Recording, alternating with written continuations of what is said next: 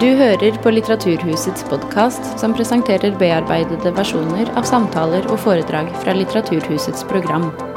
Er du interessert i mer informasjon, kan du gå til litteraturhuset.no for oversikt over alle våre arrangementer.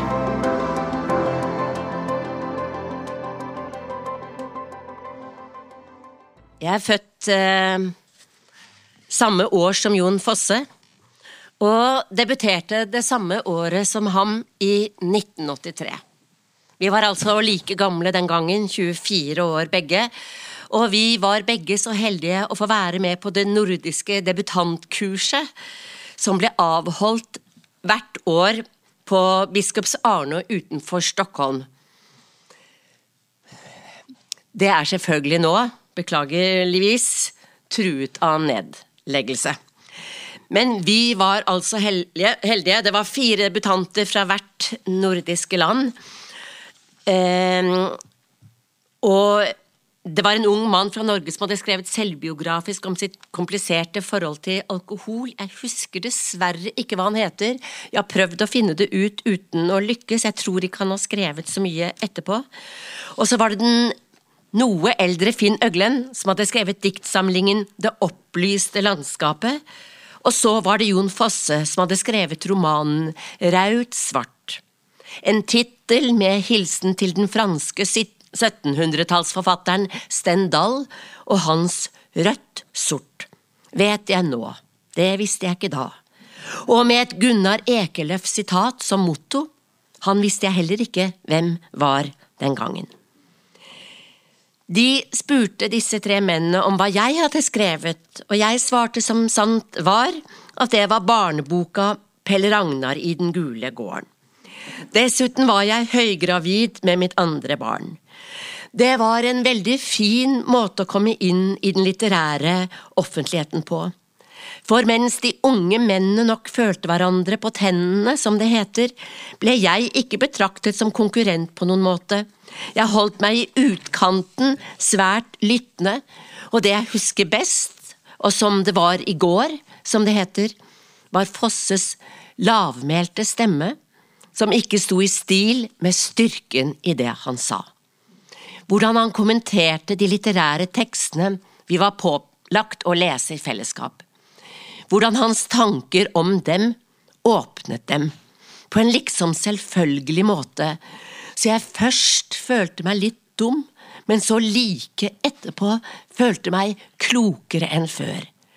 Han ga meg, som den gangen ennå ikke hadde studert litteraturvitenskap, mine første litterære verktøy, men på sin helt egen måte, eller bedre sagt, han delte blikket sitt med meg, med oss, eller enda bedre sagt, han delte ørene sine, for å bruke hans egne ord, for han kaller seg jo selv en lytter, at det er det han gjør også når han skriver, at han lytter. Jeg lærte mer av å lytte til Fosse og Øglen og de andre debutantene den helgen enn de to neste årene på litteraturvitenskap etterpå. Da jeg kom hjem, skaffet jeg meg raut, svart, så klart, og leste i et vilt strekk. Og den skal jeg komme tilbake til, da jeg bedt om også å si litt om romanen som kom to år etterpå, Steng ditt gitar, gjør jeg det først. Den handler om en alenemor som skal ut med søpla, og så kommer til å smekke døra igjen etter seg, og ikke har nøklene med seg så hun ikke kommer inn igjen i leiligheten. Og det lille barnet sitt, som hun altså har eneansvar for. Det er alene igjen der inne. Kan man tenke seg noe forferdeligere, en forferdeligere situasjon? Og da jeg leste den, så hadde en selv et lite spedbarn en mentalt sterk kvinne ville vel visst hvordan hun skulle løse situasjonen, ringt til vaktmesteren, fått hjelp, osv. Men det handler ikke om en mentalt sterk kvinne, det er en psykisk forvirret kvinne som virrer hjelpeløst omkring mens tanken på barnet som skriker, som er aleine i senga, som bæsjer på seg, som tisser på seg, som er sulten og redd, kverner i hodet hennes, og i hodet til leseren, så klart, samtidig som vi i brokker får høre om kvinnens forhistorie. Fortiden kommer tilbake, som den jo ofte gjør, og gjør kvinnen ytterligere handlingslammet. Hun vet hun må inn til barnet i leiligheten, men er ikke i stand til å gjøre det som skal til. Romanen er som et sammenhengende mareritt, og kvinnen har vært på en lang runde, og hun står utenfor døren. Hun vet hun må inn, men det er stille innenfor, og hvis hun roper eller noe lager lyd, så vil hun vekke barnet. Altså, det er så hjerteskjærende, og, og der stanser det. Tilbake til debuten. Det er altså raut svart. Det er våren 1984. Jeg er hjemme fra debutantkurset på Biskops Arne, som jeg altså var så heldig å få delta på fordi jeg hadde skrevet barneboka Pelle Ragnar i Den gule gården, om en fem år gammel gutt som lever fredelig med sin mor og far i en idyllisk gul gård på Kristianshavn i København, som jeg for øvrig gjorde da jeg skrev den. Mens moren boka igjennom forteller Pelle Ragnar eventyrlige, hyggelige, morsomme historier om den norske slekta hans i Gudbrandsdalen. Jeg har skaffet meg raut svart fordi Jon Fosse hadde gjort et veldig inntrykk på meg på Biskops Arne. Jeg sitter i en frodig, irrgrønn Frognerpark og leser om den navnløse gymnasiasten i en vestlandsbygd som bor på hybel, som spiller gitar, og etter hvert, gradvis, eller som en av Hemingways karakterer svarer da han blir spurt om hvordan han gikk konkurs. Hvordan gikk han konkurs, blir han spurt, og han svarer jo på to måter, først gradvis, og så plutselig. Og det er slik denne gymnasiasten tar et oppgjør med sine kristne foreldre. Først gradvis, og så plutselig, altså med stigende på en måte intensitet. Med dem og alt de står for. Det foregår over noen dager, noen helt avgjørende dager. Og det er en jente med i historien som går i den samme klassen som ham, og som gutten er forelsket i, tror jeg. Og jenta er vel forelsket i gutten, tror jeg, får jeg som leser inntrykk av, men så slutter han å gå på skolen, og så en dag så besøker hun ham på hybelen hans. Han ligger da naken i senga, men han har et pledd rundt seg, og da det banker på døra, så roper han at det er åpent, og at det bare er å gå inn.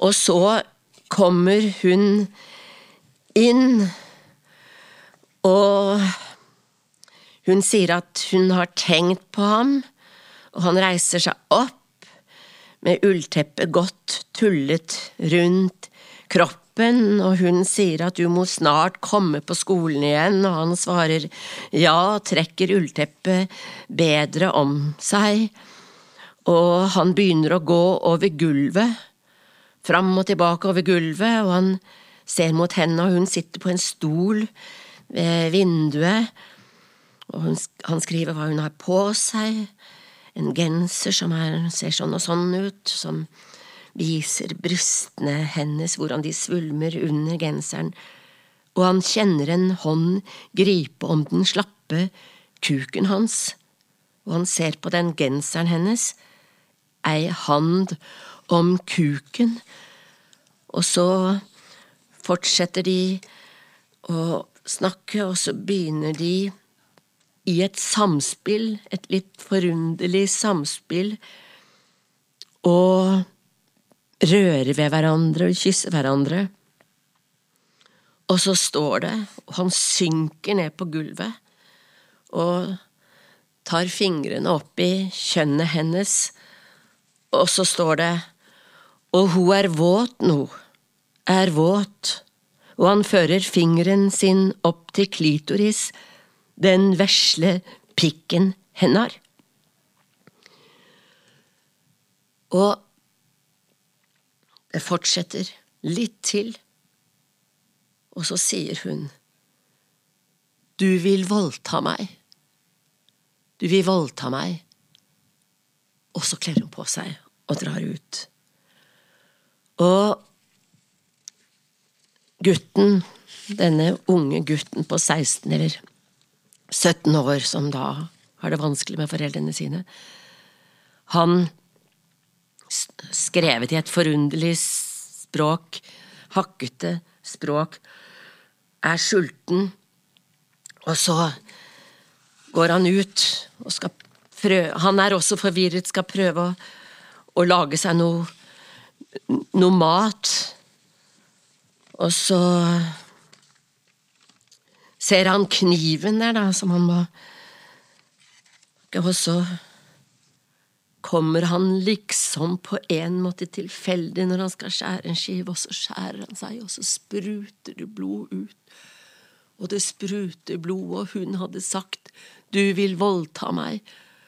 Og så skjønner han, og så blir han svakere, og så løper han, og så skjønner han at man må rope etter vertinnen.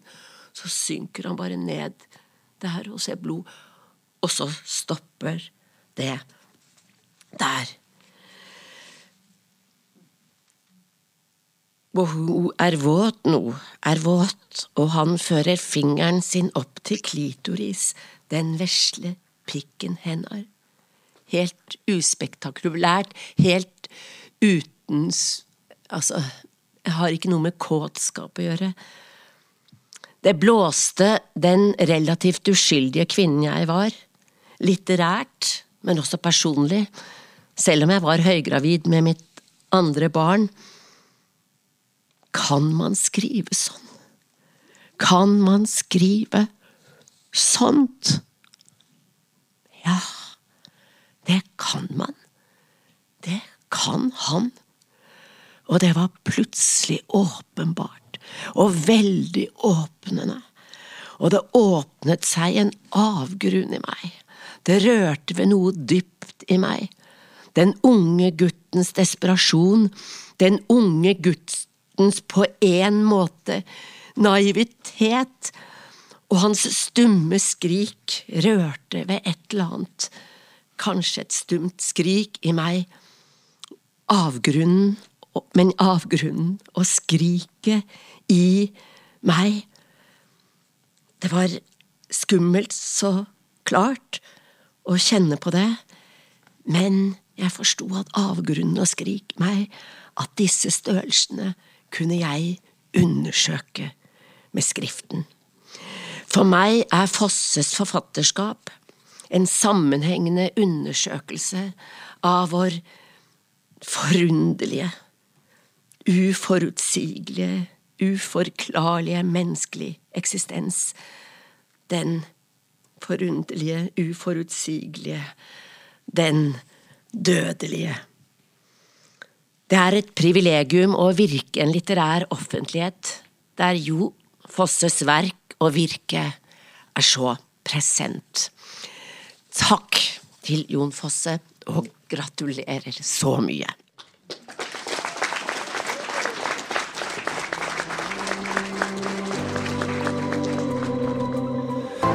Du har hørt på Litteraturhusets podkast, som presenterer bearbeidede versjoner av samtaler og foredrag fra Litteraturhusets program.